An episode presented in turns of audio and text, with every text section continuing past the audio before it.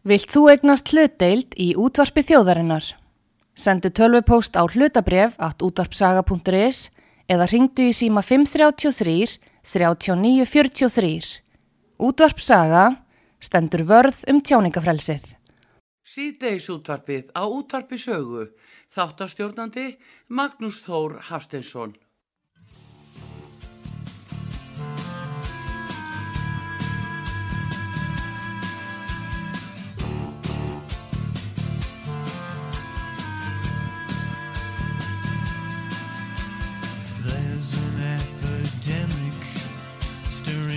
Passions in young hearts.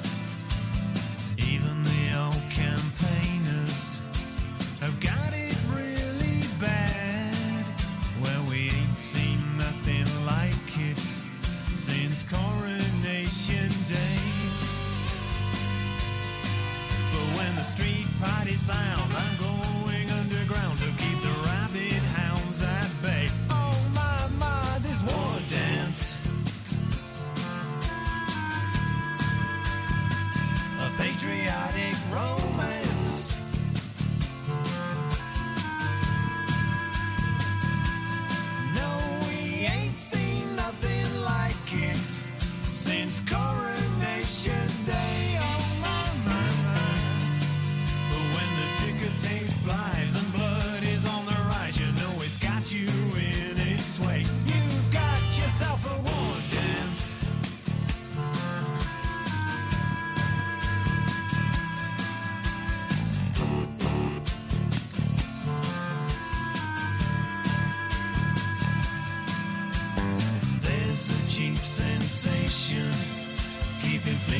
Wide awake. Everyone wants a slice of the jingoistic cake, and they're resurrecting Churchill and bringing national service back.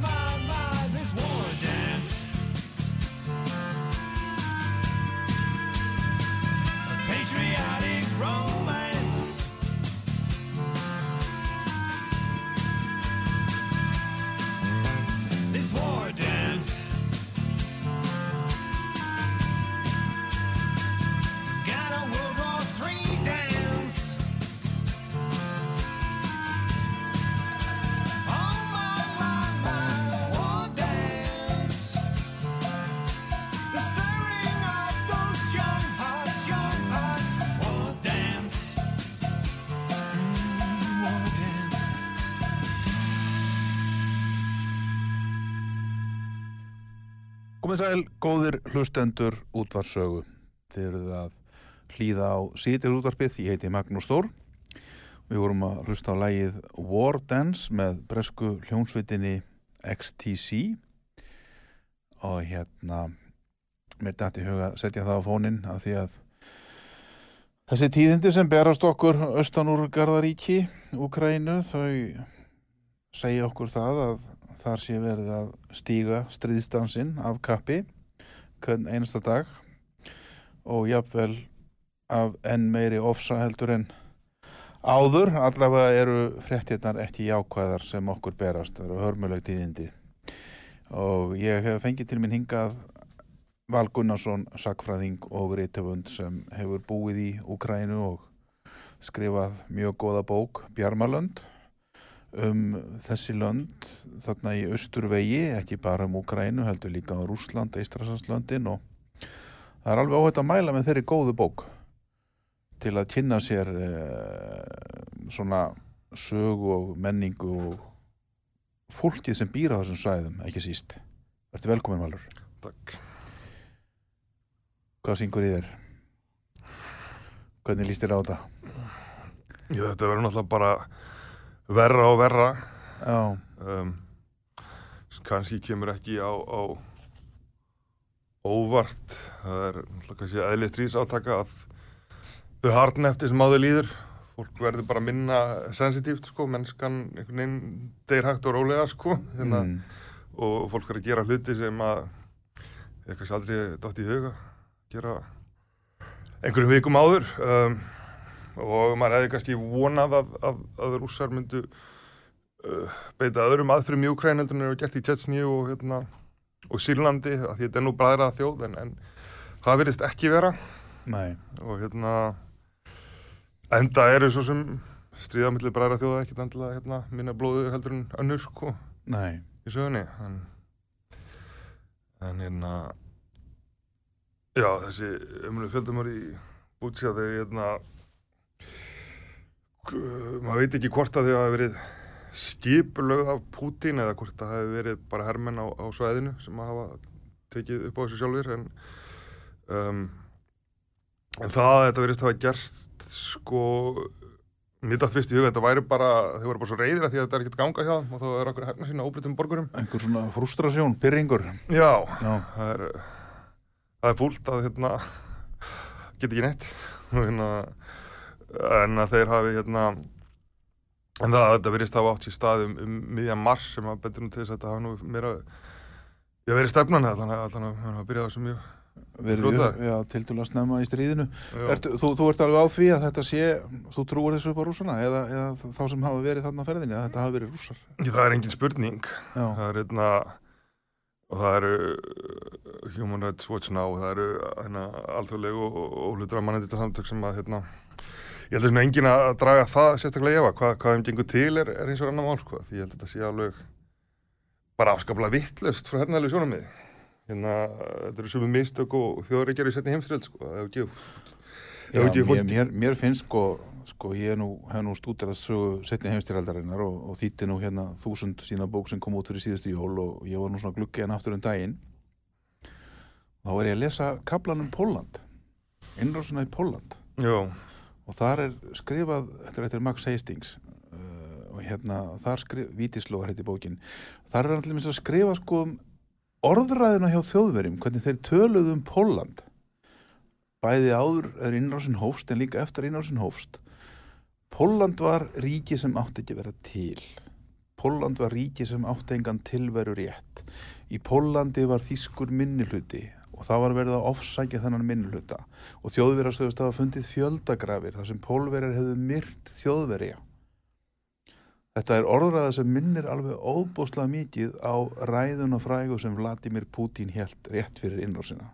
þar sem hann sagði að Úkræna ætti sér nánast ekki tilveru rétt. Þetta væri ekkit ríki já, og hérna, og hérna svo sjáum við aftur núna þetta með Butcha uh, þessa atbyrði sem gerast þar þetta minnir á fjöldamorðin í Katyn í Pólandi já, þar sem það voru sovjetmenn, rauði herin þar sem þeir tóku að lífi sko rjóman af pólsku liðsforingjastjettinni mentamenn og fleiri menn Jú. sem töldust vera ógn á einhverju leiti kannski af því að þeir tilherðu henni svo kolluðu borgarastjett jú, henduna bundan aftur fyrir bak og nakkaskot og Mhm. fjöldagröf.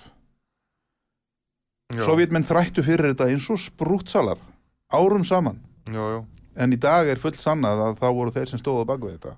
Já, núna já, já. sjáum við sömu hlutina kannski endurtaka sig þarna í Ukrænu þetta er, þetta er eins og martröð. Jú, jú. Jú, jú, og, og síðan sko... hafa þessi menn ekkert lært, lærðu þeir ekkert á setni heimstyrjöldinni það er það sem að velti fyrir sér. Já, Pútin sjálfur sonur hjónana sem voru í Leningrad og upplifðu umsátrið þar bróðina stóðar Mm Herðu, þessi maður er að beita sömu aðferðum gegn borgum í Úkræn í dag. Já, umsátur skjótaðar í klessu svelta fólkið. Þetta er alveg með ólíkindum. Já.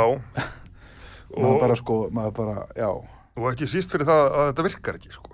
Það er berið líka að hafa í huga, hérna, að þegar þessi fjöldamóri í Katín, þau hugmyndin með þeim var jú að þurka út alla bæði með herfrúkjumentin og bara alla mentamenn og alla sem að raunverulega gætu mynda Verið einhver ógn. já, Já, já, já. Gætu, gætu stjórnað pólverum þannig að það, það var svona ákveðin útrýmingastefna meðvituð rekin þar og, hérna, en, og þegar þjóðverðar síðan reyðist inn í Rúsland og, fyrst í Póland þá hérna Ég, þá var þeir að náttúrulega reyka hérna, hérna, útrýmingastefnu en þetta gerði það að verkum að, að rússar hefði ekki vanna val heldur en að berjast. Það að gefast upp var eiginlega ekki option. Því að rússneski hermenn gáðust upp til að byrja með Já, já. en síðan þegar þeir svona sé, sáu hvað var að gerast þá var það ekki lengur option og þá hérna, verður menn að berjast áfram og Gæti það hugsast að, að, að við myndum sjá það sama í Úkrænu, að Úkrænumenn muni bara sjá það núna að hér höfum við ekkert val, við verðum bara að berjast til síðasta manns, við verðum bara að standa hér og falla. já, Uh, því að það sem býður okkur ef við töpum, að það er bara hreinlega, það er sortin, það er bara svartnættið eitt. já, þetta er það sem að, að uh, þeir munu uh, segja og enda, enda er nokkur óstað, þetta er allan, allan möguleiki sko og, hérna, og getur gerst og hefur gerst og hérna um, þau voru ekki spennti fyrir að gefast upp fyrir. En þetta, en þetta held ég endanlega sko tryggir það að, að hver einasta borg mun berjast Já, áfram og til síðasta manns og, og, og munið bútsa verður slagur sem mun hérna eh, halda mennum gangandi gera menn enn við greifari heldur en áður sko. já. Það er annað líka sem hefur svolítið svona trubla mig og það er þetta með, sko, uh, maður að heyra af nöðgunum, Já, uh, morðum á óbreyttum borgurum eins og til dæmis í Bútsja og líka gripdeildum. Það er að segja að þeir hyrða sér herfang já, og senda heim til Rússlands. já, Þetta er líka endurtegning á því sem gerðist í setni heimstyrjöldinni þegar rauði herin var að fara inn í Þýskaland. jú, jú um, meira segja í, í Afganistan líka. Já. það var hérna Afganistan á 1979 var mun tengdara Vesturlöndum að Kabul aðalega mun tengdara Vesturlöndum heldur en Sovjetríkjum voru. Já, þannig að í Kabul þá var þetta komast í alls konar kastututæki og svona finnir í sem var ekki til í hérna í Sovjetríkjunum, menn voru sem er bara gerð út á þetta en uh, menn voru að hafa með með græjur og kannski vasadisk og eitthvað sem þið gáttu síðan selt Já. á góðum prís heima sko. Þannig að sko, eitthvað af þessu náttúrulega er, er alltaf hlutur af stríði en þetta er uh, En er þetta einhvers konar, eru rússar einhvern veginn, nei ég veit ekki, maður velti fyrir sér sko, ég hef nú fylgst með rússum í mörg ár og, og hérna og, og ég bar virðingu fyrir þeim, ég gerði það ekki í dag. Eh, sérstaklega fyrir framistöðu þeir allir með sín setni heimstyrjöldinni að Mhm. hérna, þeir, þeir hérna, það voru þeir sem komu nazismannum fyrir Katanef, það voru þeir sem greittu blóðreikningin þar, ég held að það sé alveg óumdelanlegt og, og hérna og hérna, maður er náttúrulega verið að sjá þessar hersýningar þeirra og hvernig þeir hafa dýrkað sigur daginn og annað þess aftar mm uh, hafa þeir kannski líka þess að maður hafi kannski tekið eftir því líka verið að dýrka áfram einhvers konar svona menningu, einhvern kultúr sem var innan rauða hersins einhvern svona stríðskultúr og voru allar þessar hersýningar sem við höfum verið að sjá með sjónvarpinu og öll þessi hátíðarhöld var, var maður að miskilja þetta? Var þetta fyrst og fremst var þetta kannski fyrst og fremst það að, að rúsnesk stjórnvöld voru að innræta og innprenta í sinn her og jafnvel stóran part á rúsnesku þjóðin líka? Með stýrst nú að stór partur af þjóðinni stiði í Pútin í dag og jafnvel það sem er að gerast í Ukrænu að var verið að, var verið að heila þó þjóðina við svona með áróðri til að undibúa hana fyrir eitthvað svona? Á einhvern undarlegan hátt þá virðist það hafa gerst, já. Uh, þegar að hérna svo veit ekki liðast þessu undur reyndar hafa ha byrjað áður þá, þá misti fólk trúna á einhvern veginn allt. Það trúir engin neinu nei, þetta er svona algjör vantrú á sjálf sig á allt og alla. Og þegar fólk er orðið nógu duglegt í að efast þá einhvern veginn er hægt að tala, telja því trú um hvað sem er. Já, þetta er mótsagnarkjent, en svona einhvern veginn virkar þetta. Og þeir sem er að efast um að halda úkrina með sjálfur að fjöldamóra sjálfur sér í bútsa, það er einhvern veginn svona partur á sama meiði sko, að, hérna, að, að efast um allt leið til að, trúa hverju sem er. Og hérna, sko og núna er þetta auðvelt að trúa til því versta upp á rússa, það er þetta er alltaf þykist á í Rússlandi sko, viljum við vera eins og Vesturlönd eða eru við eitthvað sér og andstæðu Vesturlönd og Vesturlöndin ógn? Og það er sérstaklega á setnir þetta Putin tímabilsins virðist það hafa verið ofan á. En í, í þessu mikla hérna, tómarúmi og trúleysi sem að engjandi hjælt sín tíman og eftir fall sótekina þá var eitt af því sem að allir gáttu haldið upp á var sigurdagurinn það, Já, menn gáttu saminast um það. Þetta voru Já. svona sammeili gildi, ef svo má segja. Einmitt, hvað, hvað merkir það að vera rússi, hvað við vera stolt af, jú, við getum verið svo stolt af því að sigra nazismann í sinni heimstyrjöld. Já, við rákum óvinnuna höndum okkar og allt Já. þetta, skilur. Og þetta gæt maður, maður gæt svo sem alveg sko, ég, ég hafði svona, svona samúð með þessum sjónamiðum, skilur. Já, já, En, en núna velti maður fyrir sér sko, var eitthvað annað sem láð þarna undir og verra? Já, all, Ég veit það ekki, ég, þeir allan er að, er að beita þeim rökum eða þeir séu ennþá í setni heimstyrjöldinu og þeir séu að- ennþá að berjast inn nazista í Ukrænu, hversu sko, já, nákvæmlega, það er, það er búin til þessi gríla og, og þá er svona einhvern veginn eins og maður hefur þá tilfinningun að það sé við að reyna að endur skapa á ný eitthvað sem gerðist fyrir 80 árum og nota Já. það í nútímanum til að réttlæta síðan stríð. Já, og, og hérna, já, já, því að þetta, þetta liggur sko djúpt í, í, í þjóðasálunni, þarna er áttu góðsveils og um leiðu setur eitthvað í þann ramma, þá ertu, þú veist, já, já, ég meina ég, ég hef Það sjálf voru sér skilning á því, ég meina rússar töpuðu einhverjum 25-6 miljónum með eitthvað svoleiðis. Já, sem voru reyndar öll Sovjetríkin, þannig að... Já, já, ég er að meina Líklega 10 Sovjetríkin, þegar ég segi rússar þá meina ég. Sovjetríkin Já. sko, já, já, já, Kazakstan og öll þessi ríki, Já. já, já, þá meina ég Sovjetríkin og, og hérna, maður hefur náttúrulega vissan skilning og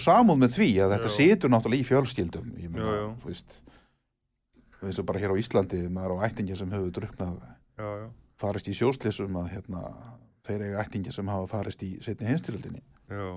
En þetta er náttúrulega óbúslega sorglegt, sko. Síðan er fólk sem að uh, bókstala uh, var í Stalingrad gamalt fólk í dag sem að lifði af setni heimsrutuna og sem að rússar er að drepa núna, sko. En, Já, en uh, já, já, já, ég meina, Úkraina fekk nú heldur betur að kenna á því í setni heimstyrjöldinni, það var náttúrulega með skýðingarnir þar, þeir var náttúrulega útrýmdi það ekki. jú, þetta var, þetta var eiginlega aðal vígvöllurinn og, og, og eins og, eins og jafnan. Já, já. En, Kursk er nú í Úkraínu nei, ég, nei, ég held að sé rétt inn með við, sko. En það það var oft barast um Karkiv í setni Kannski, heimsrutuna. já, já, já, Það var eitt, af- eitt af þessum sem heitir þá Karkov það heitir Karkov á rúsnesku já, og hérna, öll þessi saga en já, ég spurði það hér upp að við þú ert svarsýtn á að þú heldur að þetta muni versna? Er engin lausn í sjónmáli? Það er fréttist alltaf reglulega af einhverjum friðarsamningum það sem að menn segjast vera uh, eitthvað bjart sínir en samt og síðan er það dreigið tilbaka. En, en ég, þetta er ekki á það bætandi. Þetta gerir allt verra, þetta gerir líka miklu erfiðara fyrir Selenski eða Úkrænum en að samþykja það að, að eftir þetta það fái Rússland einhverja bita af Úkræninu Já. það er hérna þessi tillaga sem að það er nú henda Úkrænum mjög vel að ræða bara krím eftir 15 ár þegar Putin er líklega farin hún alltaf líklega ekki, ekki líklega til þess að þóknast honum sko. Hann alltaf vil hérna þetta er nefnilega hans uh, var hans stærsti sigur að einlega krím, krímskaga uh, fyrir hann sjálfan sko og hérna fyrir rúsa þannig að, að en þegar það, mann finnst þess að það hefði kannski verið hægt að semja alltaf að byrja með að trappa það niður. En ákvarðat núna er stríðið komið á miklu grimmari fasa. Þannig Já. að það að draga sér tilbaka þá held ég að sé ofbóðslega erfitt. Og hvorugur aðilin náttúrulega, ég má segja að Ókrænumenn hafa unnið einhvers konar sigur við Kíf að hérna tókst að verja borgina sem er ekki lengur í, í hættu. En sko ef Pútín á að, að draga sig út þá verður hann að geta sagt ég sigraði með einhverjum hætti. Og- já, ég, ég mitt sko, er hann ekki er, er það ekki, getur ekki verið að það sé það sem þið er ætlar að gera núna, að ná austurhjörunum Donbass? Jú, og ná búa til sko landbrú yfir á Jú. Krímskaga jú, og jafnvel ná ströndum Azovhafsins og, og Svartahafsins þá er þið komið aðgang þar að hafinu. Já, búin að loka kannski Úkrænu af í, sem sagt, þeir hafa ekki lengur aðgang á sjó jú, þannig að hæpið að þið náðu það langt og þið náðu allar leiðina skúast til Odessa en það að, að þeir myndi ekki ná á þessa heldur Nei, það held að það sé Nei. ansi hæpið en það að, næ, myndi allavega ná þarna mjög stórum svæðum sem eru mjög mikilvæg jú, Maríupól hún tengir saman sko bæði norður og söður Já. bæði Donetsk og Luhansk við Asvahá og þar með Svartahaf einmitt, en líka Krímskagan sko Já. hérna frá austur til vesturs og hérna það, þannig að það, það er praktískt notagildi og, og til dæmis þá var einn vandamálin við Krímskaga eftir að hann var innlumar í Rússland að, að Úkrænum er byggði stípla hinnum en þannig að kom ekki vatn á Krímskagan þannig að þetta ferði allt lengri leiðina yfir, þessa brú þeirra þannig að löngu brú sem við smiðu þannig að jú, þetta myndi vera sjálfbæra en ég held að sko mikilvægar að sé sé bara að Putin geti sagt ég sigraði einhver leiti, hann þarf að fá eitthvað sem hann getur bent á að því að sko Já, væri þetta ekki sigur ef við myndin á þessum svæðum sem ég var að lýsa það? Jú, þá myndi hann sko kannski það ef ef Maríupól fellur eða Ég er- eitthvað, já, eitthvað þannig gerist svo Já. hann geti sagt Og hann náði Donbass og... Já, og síðan spurning hversu mikið á Donbass hann, hann ætlar að halda hvort að þessi tvö sjástöðnar liður þetta svo kallið, þetta er svona í triðja svæðinu og hérna og, já, það eitthvað svona og það er alltaf líkur á því að hann er reyna núna næsta mánuðin eins og hann getur að hérna að leiða þetta til lykta bara hernaðarlega. Og um, hann verður að búa til sigur meina, ef, hann, ef hann mistekst það þá er náttúrulega, þá er úti um hann sennilega, Já, líklega, það er í, hún verður verður stift hún verður ítt frá. Já, það er nefnilega, ef, ef hann sko, ef hann myndi semja frið sem hann myndi alltaf vera alltaf kostnæðisamur með við það sem að í hefur verið lagt, allt þetta mannfall og alls eðlinningu þá er hann líklega alltaf á stóli heldur hann er í stríðinu sjálfu sko, Já. sem, sem stríðsleitt og, og, hérna, og örglega er það einhver draumur hjá honum að vera búin að þessu fyrir sigurdaginn 9. mæ sem að auðvitað skiptir hann gríðalegu máli hann mánuður að mánuði stefnu þannig að þannig að við getum, getum verið að horfa fram á aprílmánuð sem yrði sko blóður heldur við höfum allt, allt sem við höfum séð til þessa. Já, það er, það er alla líkur á því og hérna, ef rússar ætlar alltaf kilfur á það kasti núna og hérna, já, nema, nema eitthvað kraftverk gerist og sko Selenski vil alltaf hitta Pútín og ræða við hann á jafningja grundöldi. Núna er hann að í land með að hitta Pútín, það er mjög erfitt að sitta snið með manni sem er búin að vera að slátra hérna, þjóðinni og, já, og aðkoma vestuveldan eða eitthvað. Þetta er, já, þá þá voru fréttir áðan um það að Európa-samandi ætlaði enn frekar að herða uh, viðskipta þvinganir á rússa hætta að kaupa þeim olju alfarið var ég að heyra já, og kól já, og fisk og fleira. Jú, jú, þetta er náttúrulega bara spurning um tíma, sko.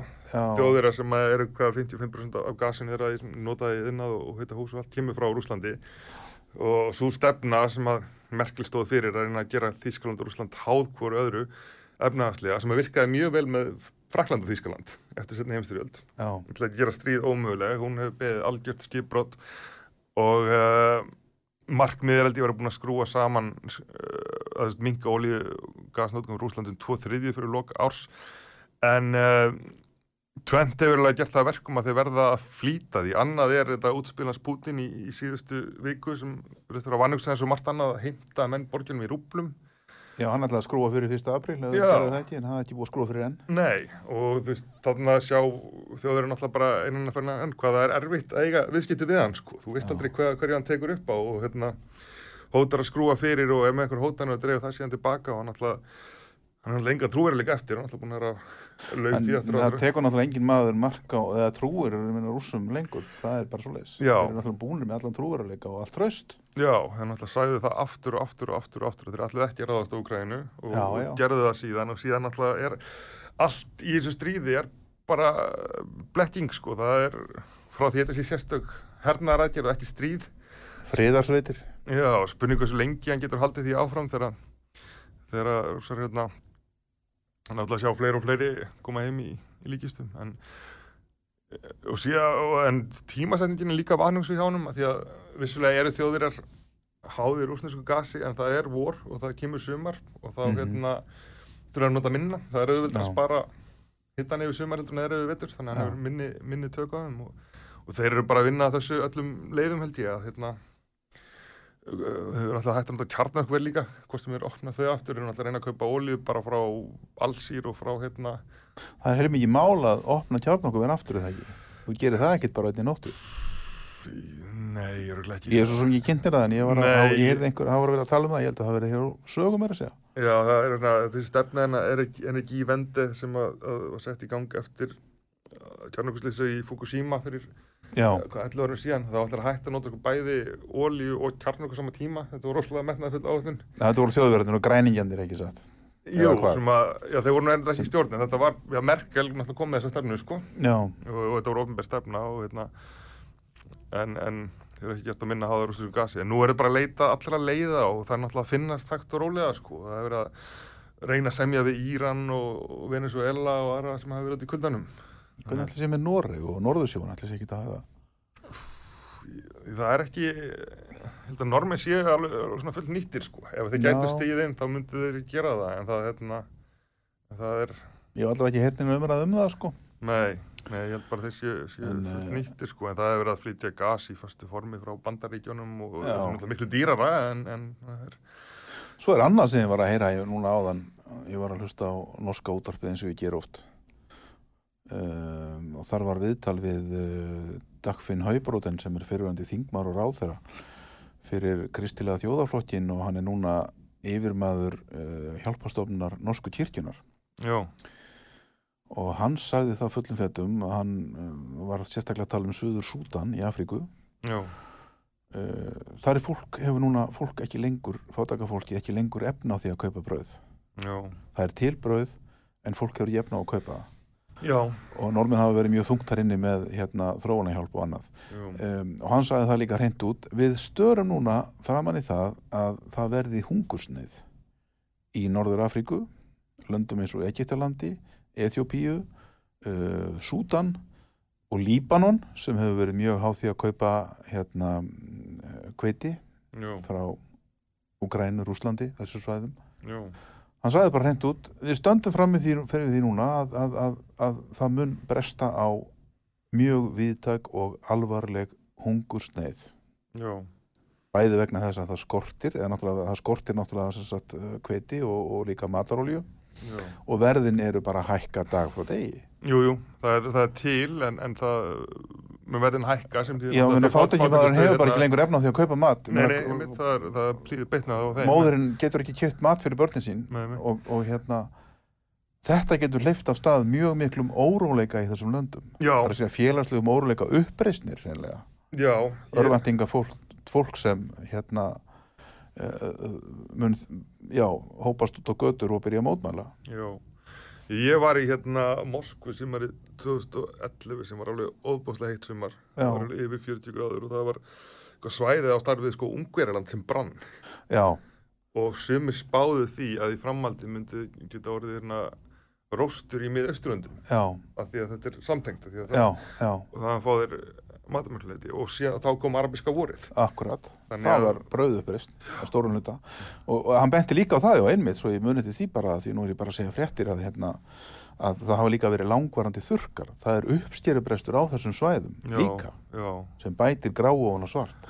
Já, já, þannig að það er, er að og, þannig að, þannig að, þannig að eh, já, það sem er að gerast náttúrulega núna í þessu stríði þetta mun hafa mjög viðtakar og flóknar afleðingar Algjörlega, en það ber árita sko að þetta er ekki út af viðskiptaþingunum af því að Suðu Sútan er ekki með neinar viðskiptaþinganir gagvart Rúslandi Nei, þetta er bara vegna þess að bara verðin eru að hækka Já, þetta er bara vegna þess að það er einfallega ekki hægt að flytja út kottn frá Úkrænu Nákvæmlega, eða nei, hlutin nei, Úslands já, já. bara út af þessum hernaðarækjum þannig að þetta skrifast náttúrulega Já, já, já, já það gerir það, það gerir það, það gerir það sko. rússa sko og Já. síðan náttúrulega er annað sem að maður hefur ágjur á sem er að úkrænsku bændin og ekki sá núna þá hérna Já, þeir ættu náttúrulega að vera að byrja þær á því að eða í þann mund að fara að byrja á því ekki satt? Jú, þeir hafa meiri segja sko, við fikk frí frá hernum og svona held ég uh, þetta er bara það sem hefði gerðist uh, 42 uh, og, hérna, og var að einhver leiti markvist á, á þjóðurum að kortin voru uh, sáfræðin voru, voru gerð upptæk og, og, og það líka gerst tíu ára máður þegar Stalin var hérna auðvöldinu, þetta er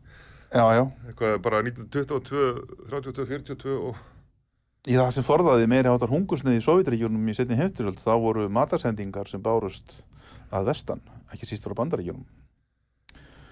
Uh, þeir fengu mjög mikið sent af, það já. ekki oft verið talað um það en, en, en ég veit að ég, vegna að ég hef skrifað um þetta siglingana og skipalestana það var mjög mikið af matvælum sem barst til Sovjetríkjana og raun og veru sko sovjíski herin, rauði herin hann gekk raun og veru fyrir matvælum sem koma að vestan já, og þar alveg var hægt að brauðfæða þjóðina. Já, já einmitt, þetta er svolítið verið ofmyndið með vopnusendingar en það er einmitt, einmitt matur og, og trukkar og alls konar svona, já, já, já, já, já. Bara sem svona búna er sem er líka nöðsilegur já, ekki síður sko. já, já, Já, þeir sjálfur bara setja alla, alla ósla það að framlega vopna, það var allt annað einmitt.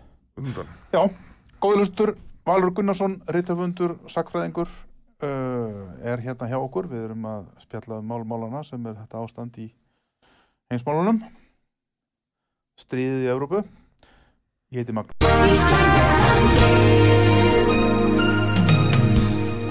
Styrtareikningur útvarpsögu í Íslandsbanka á Granda. Útubú 513, höfubók 26, reikningur 2.11.11. Nánari upplýsingar á útvarpsaga.is. Takk fyrir stöðningin. Stór, við þurfum að taka auðlýsingar núna en koma aftur eftir. Síðdeis útvarpið á útvarpi sögu. Þáttastjórnandi Magnús Þór Hafsteinsson.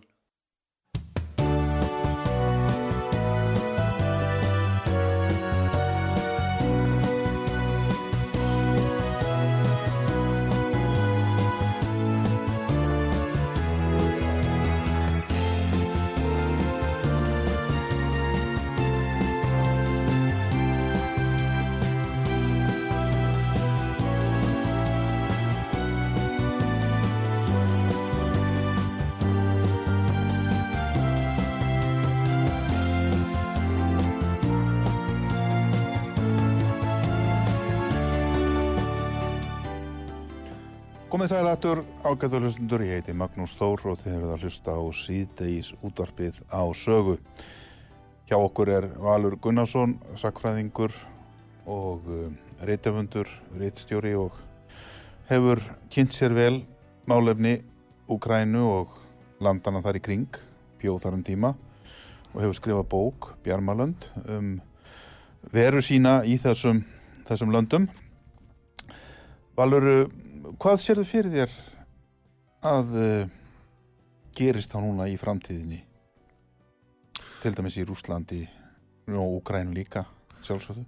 Já, til hérna, til skemmri tíma litið er það náttúrulega ómöld að segja náttúrulega Já. hvernig, hvernig hlutinu muni þróast á vígvillinum. Um, sko annars vegar þá eru rússar þekkti fyrir það í sögun að gera mikil mistök oft framan af Já, sem að þeir síðan læra stundum af uh, vegna þess að þeir hafa bara tíman til þess. mm, Úkrænumenn hafa ekki tíma til þess að gera mistök þá, ef þeir eru gert eitthvað mistök til að bremja þá er kíu fallið sko, Já. en, en rússa geta gert mistök og larta en þannig að það er möguleiki á að vera aprílsókn í hérna núna, um, einhver vorsókn þá hérna að hún muni verða, verða einhvers annars eðlis, en á himbóin er, er eiginlega í fyrsta sinn líka fara að glitta í að úkrænumenn getur bara hreint og bytt unnið sem að hérna enginn bjóst við til að, til að byrja með. Uh, sko að því að Úkraina er í allsýrastríði og var í Mm. allsýrastríði frá fyrsta degi þar sem all, öll þjóðin er í þessu einu. Rússar er ekki í allsýrastríði sko. Í þú átt að geta verið í Rússlandi og einhverju búðir hafa lokað og einhverju vörur hafa hækkað í verði Mhm. en, en þeir eiga ekki að finna jafn mikið fyrir þessu. Og, og það er mjög hæpið að það sé hægt sko inna, að móbilisera þjóðin eins og var gert í setni að Já. það er ekki ráðist á Rússland þetta er bara svona óþægjandi einhvers staðar í, í söðri og það er ekki sama sama stemningin. Og, og bara upp á mannafla sko, þá er ekki víst að, að rússa geti tóla endalist mannfall með að við Úkrænumenn að þessi 200 manna her sem nú, núna búin að minka 200.000 manna her Já. sem nú kannski búin að minka um eitthvað eh, 20 til 40% ef við tekum með sarða og, allt það sko. Mm, og hvort að þeir geta hvart meiri, fleiri hérna uh, herskildu úlinga til sem er heldur ekki mjög vinsælt sko en, en uh, bara mannafli úkrænumanna sem þeir geta spila fram er ekkit mikið minni. Og það sem að uh, rússan alltaf eru líka að gera þeir eru að draga þeir eru að kalla á sírlendinga sem að skuldaðan greiða tjetsinýjumenn og hérna þess að Wagner málaliða sem hafa verið vasast í Afríku. Já, en þetta leiðir allt til þess að sko veldi rússa er eiginlega að dragast fram. Putin getur ekki lengur að vasast út um allan heim því að nú þarf hann að eyða öllu sínu púðri í þetta sko. Já, og Rússland er ekki risaveldi. Það á ekkit í bandaríkinu og Kína.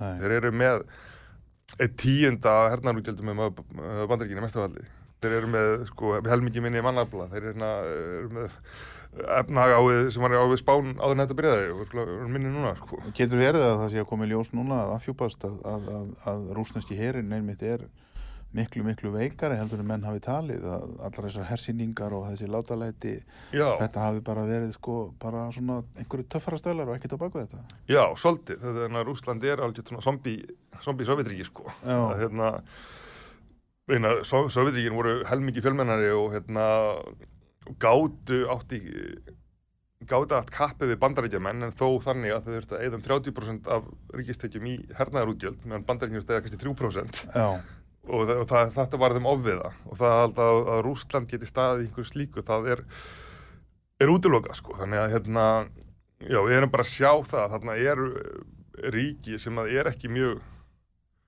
ríkt ekki einu mjög þróað og ekki eins og það fjölmend sem að er að þykjast vera einhverjum rísævelda leik sem það áenga burði í. Getur ekki einu og ráðist á miklu veikar í nákvæmlega með neinum árangri. Og þetta er náttúrulega það sem að vera er að getur verið að hérna við, við standum þá frammi fyrir því núna við komum reyndar á það, inn á það eins svona fyrir hlýja sko að, að, að núna kannski standi þá rúsandi frammi fyrir því að það sé annarkort að dög eða drepast. Þeir verði að ná árangri núna í apríl í þessari vorsók sem þeir eru kannski núna að undirbúa eða einhvers konar hernaðar aðgerð til að knýja fram eitthvað sem gæti litið út sem sigur þannig að þeir getur dreigið sig frá þessu þá með ég ætla að Pútín svona með Ég held að þessi nöðsöld fyrir Pútín, já. En Já. fyrir rússa sem slíka þá er innan þetta, það er veikleikarnir hafa bara orðið of augljósir. Þeir koma alltaf því ekkit yfir það og hérna Pútín hefur tekist með alls svona brögðum undanfærin tíu ára að snú oft á vestuveldin. Honum tókst að stíga inn í Sýrland þegar bandaríkinn gerði það ekki mm og tókst að knýja fram sigur fyrir Sirman Assad þar og það að vasast í Líbi og, og Mali og, og síðan líka nýttan Armen og Aser alltaf að hérna, semja frið en, en núna eru Aserir frá að fara fram hjá rústinskum friðagæsluðum inn í svæði A- Armena í Já, Nagano-Karabakh einmitt, sko. það eru fannir að loga eldar þar á ný. Já, að því að Putin er að missa öll sín áhrif sko. það þarf, ekki að taka marka á honum lengur af því að hann get, Aser að sjá náttúrulega að hann getur ekki verið að hega annað stríð í fyrir Armena í Nagano-Karabakh það er Já, bara ekki lengur óg sko, þannig að þetta, er, þetta stríð hefur bæði veikt úr svona dópslega mikið en á humbóin það var líka veikleika ríkisins bara komið svo mikið í ljós. Mm og uh, spurningin er náttúrulega hversu lengi rússar ætla að halda áfram að eldast við einhverja stórveldiströfuma sem eru bara ekki raunhæfir það eru bara starrindi málsins eru, tölunar eru þannig og þetta er erfitt fyrir þjóðar að láta af, af stórveldiströfum sínum Mhm. það var frakkar háður nokkuð nýlundu stríðarnir ákveða að þetta gengi ekki lengur mm. og, og ákveðu bara að einbæta sér í Európu og breyta gáðu upp sitt einsöldi til dæla auðveldlega en, en þeir eru samt með eitthvað svona sér eh, sér pælingar sko þeir séu svona betri eða örfis heldur en Európa slýsir í Brexit. Þjóðir er mistu þólundastöðu sér 1918 þeir ákveða reyna einu sinni enn.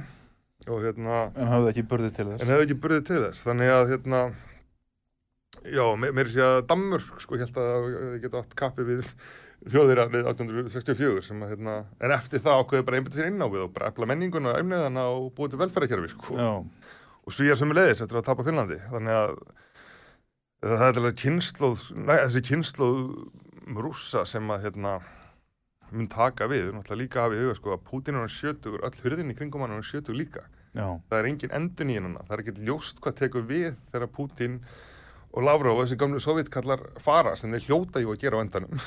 Já, já. Það er stýttist í það sjálfsagt með hverjum deginum. Já, og Eðlilega, þetta þannig að þetta er svolítið búið spil sko, en það er spurning hvort það ekki er tvö ár, tíu ár eða, eða hvað sko, en, en þetta er eitthvað sem er hverjir kætju við? Hvað, hvað, veit það nokkur? Er- Nei, er, það veit enginn að það hefur ekki fengið að Það er heyra engin nýliðun eins og það bendir á.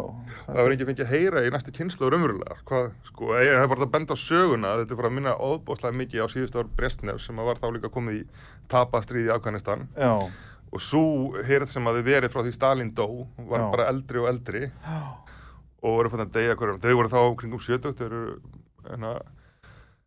uh, tókum á því að deyja en hérna, og þá kom nýkynslu sem hafði verið haldið niðri alla tíð. Já, og menn sem spratt allt í hennu fram menn sem voru þá á 60-saldri eins og Gorbachev og, og Já. Jeltsin endar Mhm. og jafnaldrar. Og þeir voru með allt aðrar hugmyndir um, um það hvernig þetta að endur nýja Sovjetríkin og þannig að það ég, þetta er þessi tvei tvær sviðsmyndir. Annarkvort kemur einhver ný kynslu með nýjar hugmyndir sem líklega þurfa að horfa upp á þetta algjöra skipbrott núna í Ukraínu eða þá að það kom einhverju einhverju nýpútinistar sem að hérna, vilja halda því uh, þessu verki áfram en, en það hefur ekki búin að bjóða nema bara svona umsáturs pælingar sko, það er allir að móta okkur og við erum að standa saman gegn umumunum, það er, hérna, það er ekki mjög framtíð í því. Nei, og enn síður þegar allt, allt klárasta fólki og unga fólki er að bara flýja land sko, já, það er eitthvað 200.000 manns farnir núna, maður getur Georgíu þar sem að það er ekki viðabriðsáritun til Armeníu að já, er það svo? Er unga fólki að uh, uh, ég ég, það, það er eitt sem hefur vakið svona aðtekli mína. Uh, Jú, það er sagt að ungt fólk sé að fara frá Rúslandi já, En til dæmis, maður hefur ekki séð eina einustu frétt um það að einn einasti rúsneskur sendirafsmaður hafi hoppað af og sótt um pólitíst hæli vegna þess að hann væri ósattur við stefnum sína, sína, sína, sína stjórnvalda. Það gerist á kommunistatímanum, en það gerist ekki núna. Nei, það er vissulega Er það vegna þess að það eru bara allir á þessari línu sem Putin er að kera, eða hvað? Já, ég held það, menn er náttúrulega líka bara að hugsa um sin, sin einn hag, sko og þeir, ef þeir eru í fínum stöðum þá er engin ástæð til að Ég meina þeim er þið örgulega tekið fagnandi, ég meina Vesturland myndi nú nýta sér það í áróðuskyni ef einhver, einhverju sendirafsmenn væri að hérna, sækjum pólitíst hæli á Vesturlandum. Jú, jú En það gerist ekki. Nei, það er, kannski var það í tíma svolítekina meira spennandi að fara til Vestlanda því að það var nátt erfiðara. Anatoli Tjúbæ sem var nú sá sem að, enga væti uh, Rússland fyrir 30 árum síðan með ekki mjög góðum árangri, hann, hann er núna uh, háttrættasti maðurinn, ég var ekki hvað stöð hann hafði núna en hann, hann fór, Já, hann hefur gáð Rússland. Uh, ætli menn sé ekki bara líka svolítið að býða og sjá? Þannig að það er ekki, rússar er ekki búin að sigra neitt en sem komið er en þeir eru ekki búin að tapa heldur sko, þannig að þetta þarf líklega eitthvað að gerast til þess að rótturinn fara að yfirgera sökkandi skip. Já, það sé ekki orðið það, já, já, já, en það eru örgulega margir að hugsa sinn, sinn gang sko, Já. komið eitthvað svona plan B en það er kannski ennþá of of, Of snemt til þess en síðan náttúrulega líka Putin er búin að vera svo ofbóðslega lengi þannig að hann er náttúrulega búinn að manna allar stöður eins og honum hendar á 20 árum, 22 árum þá er allir allir sem sáu hvert fremdi eru bara mhm. Ég hlustaði mitt um daginn á viðtal við uh, sakfræðing, norskan sakfræðing, maður sem heitir Halvor Tjönn mm. og hann var lengi hérna réttaréttari norska stórblasins Aftenposten í Rúslandi, bjó í Rúslandi í 11 ár og hefur skrifað og er að skrifa núna mikið stórvirki um sögur Rúslands, bók, hann er sakfræðingur, eins og þú. Mm. Hann var að segja það í þessu viðtali, ég veit ekki hvort þú ert sammála þessu, hann sagði sko, við verðum að skilja eitt varandi Rússland, sagðan. Rússland er allt öðruvísi heldur en Vesturlund. Hér á Vesturlundum höfum við haft líðræði og við erum vön því að finna lausnir með málamiðlunum. Mm Í Rússlandi hins vegar er það þannig að þar er það valdið sem ræður -hmm. og það er til sérstætt hugtak á rúsnesku um þetta sem ég man ekki, ég held að byrja samt á vaff mm. en hvernig sem það er, þá sagðan það er valdið sem ræður, það er sá sem er við völd og menninir í kringum hann þeir ráða Mm þannig var það á keisaratímanum -hmm. þannig var það á sovjetímanum Mm og þannig er það í dag -hmm. þetta er grundvallar munur á Rússlandi og Vesturlöndum Mm sem við verðum að skilja -hmm. það er bara einfallega allt öðruvísi kerfi hjá þeim heldur en hjá okkur Mhm. þeir eru bara ráða þeir eru valdið og fólk fylgir því og hlýðir því Getur við, er eitthvað til í þessu? Jú, jú, en eitthvað verður fólk samt að fá fyrir sinn snúð sko. Já, þannig að valdið hlýtur að stjórna í umbóði einhvers. Mhm, uh, og það er rétt að í gegnum allar rúsneska sögu þá hafa komið tímar eins og sem er kallaði vandamála tími þegar pólverjar hernámu Moskvu um 1600 og síðan Jeltsin-árin og byltingar-árin og, og kaosin að borgarstríðis það skiptist alltaf á einhvers konar harstjóri eða eitthvað svona algjört kaos ástand og það vil Já. ekki rússi fara í þetta kaos ástand. Það er eitthvað svona innbyggt í þjóðasálum já, það er bara fyrir, allt er betur en kaos sko. Þannig að það er eitt sem, sem að leiðtóin á að koma með, það er stöðuleiki Já, og Putin hefur einhver leiti náttúrulega hefur hann klúrað þessum stöðuleika með þessu stríði en samt er kannski meiri stöðuleiki enn sem komið er innanlands heldur maður hefði mátt búast við. Þannig að en þegar Putin kom til valda sko 2000, 1992 þá hérna þá var samlega sáttunum sko Putin var í maður nýra tíma og vissulega ætlaði hann að fá stjórna og það er engin annar sem átt að skipta sér að því ekki einu sinni ólíkarkarnir sem hann var fljótur að beisla en í staðin átti fólk að fá betri lífsskiliri og, og það var rétt að, að kaupmáttur uh, margfaldaðist hérna, Mhm, 20-faldaðist eða eitthvað þessum fyrstu árum. En síðan eftir að hann kom aftur 2012 þá hefur tagvöxturinn staðið í stað um, þannig að fólk sér að, að líf þeir er ekki beint að batna en í staðinn þá er fólk að fá endurhymda stórveldistöðu rúsa Mhm. það er svolítið það sem hann er búið upp á og það skildi ekki vannmeta rússar kannski eins og aðra þjóðir jafnvel en það meira, þeir, þeir vilja vera stoltir á ríkinu og þetta var líka svolítið það sem gerðist í Sovjetríkjunum að, að þú áttir að þjóna ríkinu en í staðin þá varstu hluti af stórveldi sem þú gast verið stoltur af Mhm. síðan þegar þetta stórveldi hrinur þá náttúrulega eh, eru menn í reyðileysi Já. Og þá eru þessi tveir möguleikar annarkvæmst bara bæta lífskjör almennings eða gefa í stórveldistöðuna Mhm. og hérna Putin er var að prófa að gera eitt fyrst og síðan fyrir að gera hitt sem er að, að, að gefa þessa stórvöldistöð en, en, ef hún gengur ekki upp samt, þá En, en, en þetta með að bæta lífskjör gekk það ekki bara þokkalega vel? Það gekk mjög vel, bæði náttúrulega því hann var að taka við eh, landi sem var í aldrei óreiðu og hann kom svona ákveðnum böndum yfir það og, og, þetta var ólíkarkaveldi þar sem, þar sem auðmenn réðu og hann breytti eiginlega einræðisríki þar sem hann réði. Uh, það sem skipti mestumáli var að, ólíu verið hækkað og hækkað og þá hérna Já, ég, ég hef einu sinni komið til Rússlands á æfinni, ég held að, það hafi verið 2015 já, ég á örgulega aldrei eftir að fara þangað aftur. Og hérna, og hérna uh, en ég hef einu sinni komið þangað. Og, og, og ég hérna reyndi svona að fylgjast með og vera vakandi og, og svona og það kom mér alveg óbáslega mikið óvart. Hvað mér fannst sko það sem ég sá uh, hvað mér það fannst vera allt miklu betra heldur en ég hafði átt von á. Já, fólk leit vel út, það var vel klætt það Já. var, ég sá enga óreglu uh, það virtist vera vegar svona, svona, ákveðin regla á hlutunum jú, jú, uh, þeir voru vel akandi allir voru með snjallsíma og þetta virtist bara vera svona þróað og, og, og svona flott samfélag. Verstanina voru fullar af varningi og, og, og hérna og, svona, já. Um, hafði mitt ekki orðið ákveðin lífskjara bylting í Rúslandi eða, eða hvað? jú, jú, hún hafði orðið þarna upp úr 2000 Já, ég er að vissulega. segja það sko. Og hérna og þó að hún hafi staðnað þá gekk hún ekki tilbaka. Þannig að það Nei, með, með að. Rússi náttúrulega var, hefur verið tekjöldur á Vesturlöndum en, en, en þetta er alltaf, núna alltaf þetta er ekki lengur til allir þessi varningur í búðum en það náttúrulega er og loka fyrir þetta fyrir allt saman en uh, En þeir ná nú kannski, minna, þeir halda áfram viðskiptatengslum við lönd eins og Indland, Pakistan, Kína. já, Eh, Þeir munu ná, ná að bæta sér þetta upp að einhverju leiti. Að einhver leiti Og svo náttúrulega annars sem við megum aldrei gleyma og það er það náttúrulega að Rússland er gríðalega viðfömd og stort land og þeir hafa alveg óbóðslegt, hérna, óbóðslega mikið af náttúru öðlindum. Þeir hafa í raun og veru öll þau ráefni sem til þarf. Þeir eru ekki að glíma til dæmis við ráefnaskort eins og þjóðverjar gerðu í setni heimstyrjaldinni þjóðverið vantaði olíu, það vantaði ímsa málma og svo framvegis.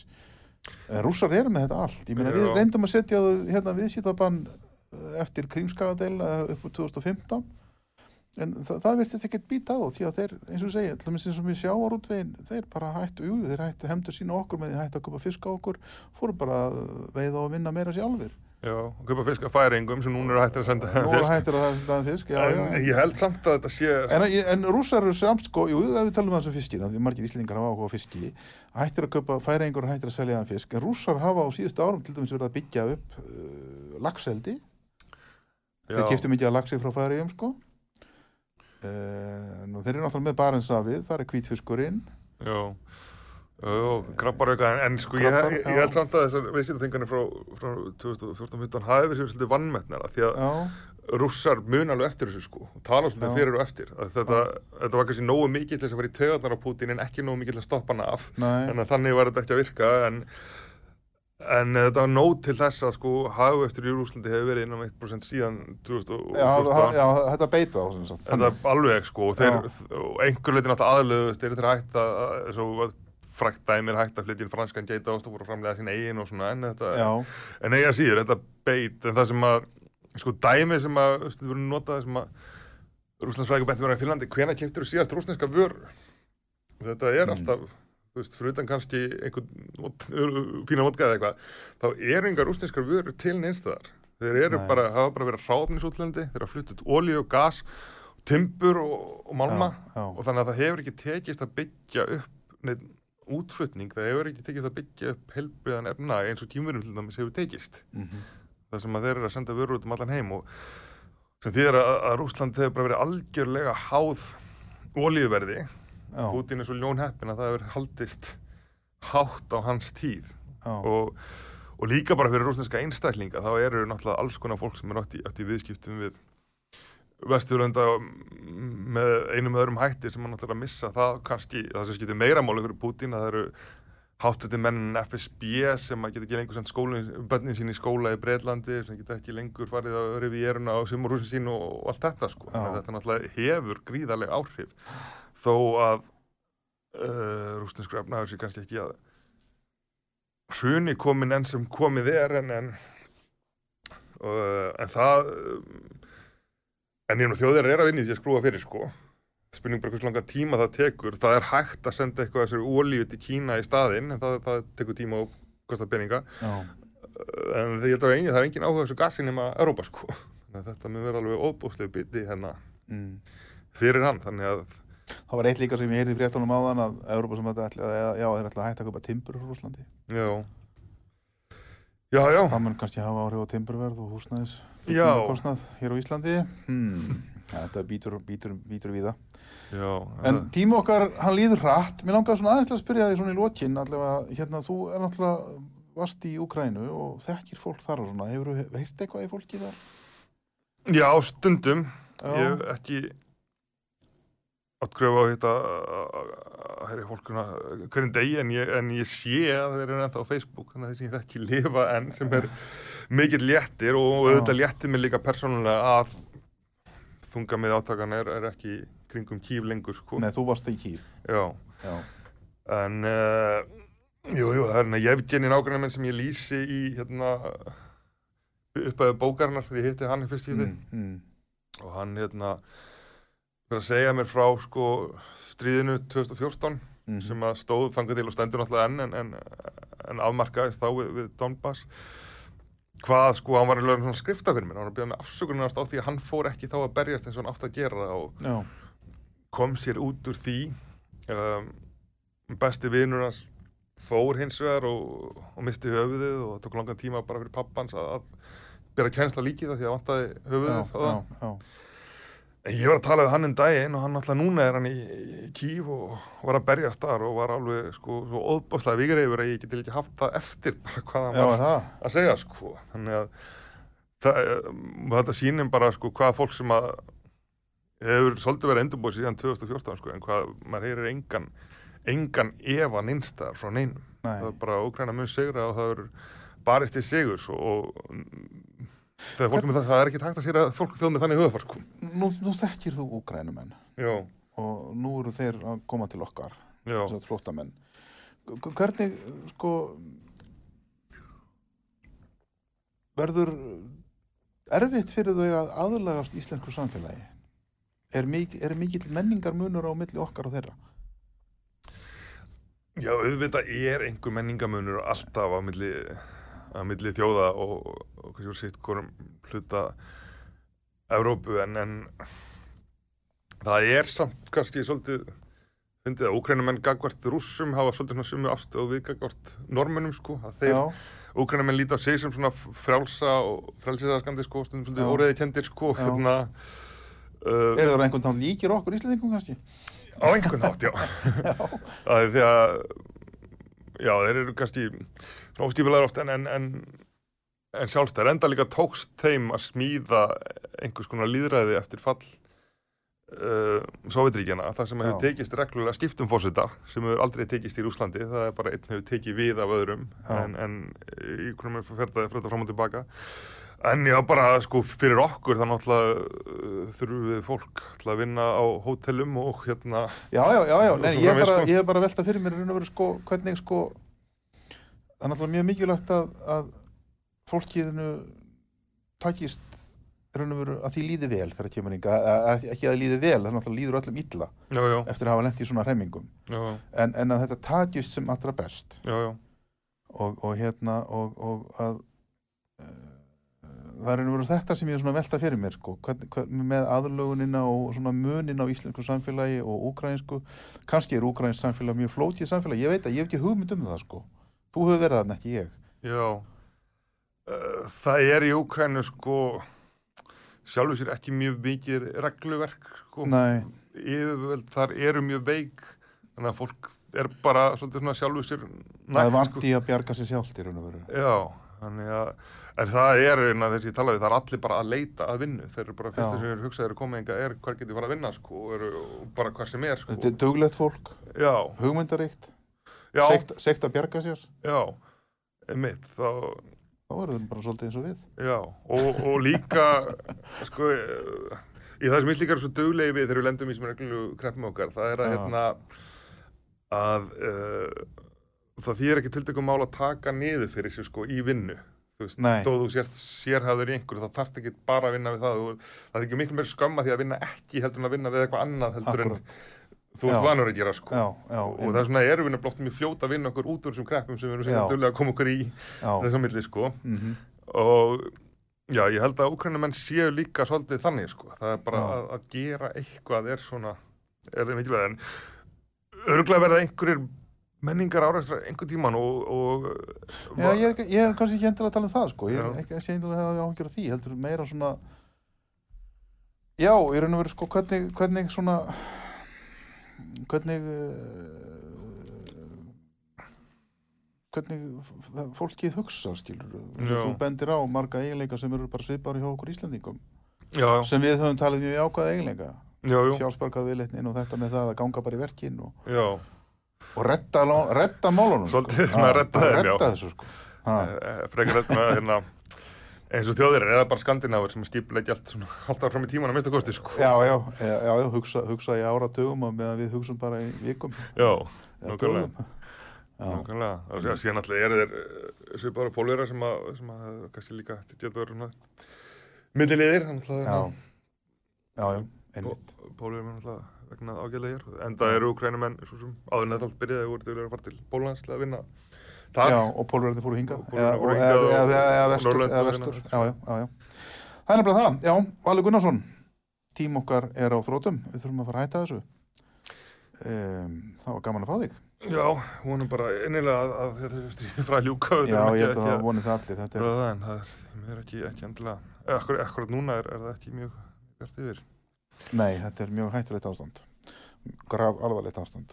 Mjög flókið ástand En við reynum að gera okkar besta hér á sögu til að svona ræða þetta og, og velta upp öllum mögulegum flötum á þessu flókna vandamáli sem þetta stríðir og þetta stjórnmála ástand sem er að skapast í okkar heimsluta og kannski um allan heim, hver veit.